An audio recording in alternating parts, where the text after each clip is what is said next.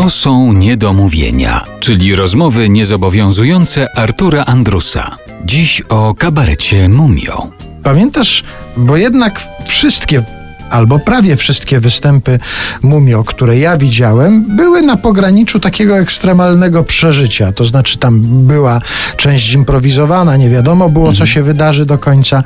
Czy ty wspominasz jakieś występy, które uważasz za najbardziej ekstremalne? Jest coś takiego, co, co zostanie ci na zawsze w pamięci? No już wyobrażam sobie, że to wyniesienie pełnogabarytowej bramki piłkarskiej to jest jakaś ekstremalna przygoda, ale jeszcze jakieś takie inne przeżycia? No, sporo tego było i, i, i generalnie nas ciągnie do takich sytuacji. Teraz właśnie będziemy na wiosnę obchodzić swoje 21-lecie czy pierwszolecie. Tutaj są różne wersje.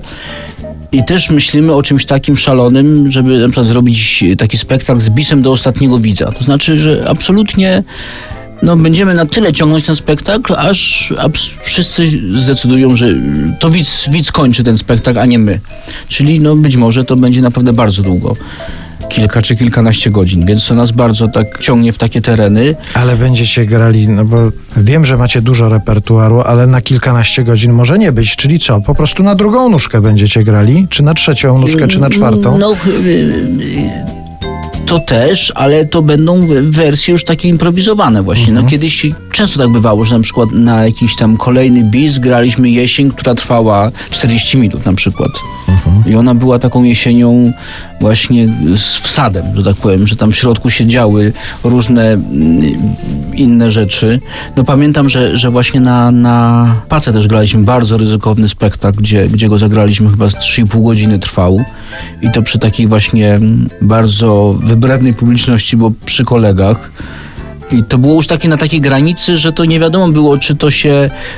Bo to było bardzo martwe w, pe- w pewnych momentach, czyli jakby humor martwy, czyli taki, gdzie, gdzie nic niesamowitego, czy też nie, nie było niewiarygodnych atrakcji na, na scenie.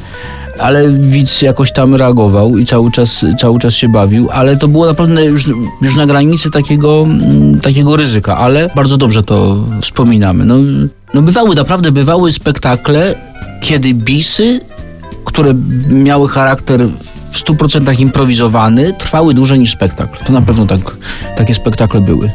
Przynajmniej Plutownica do takich się, się zaliczała.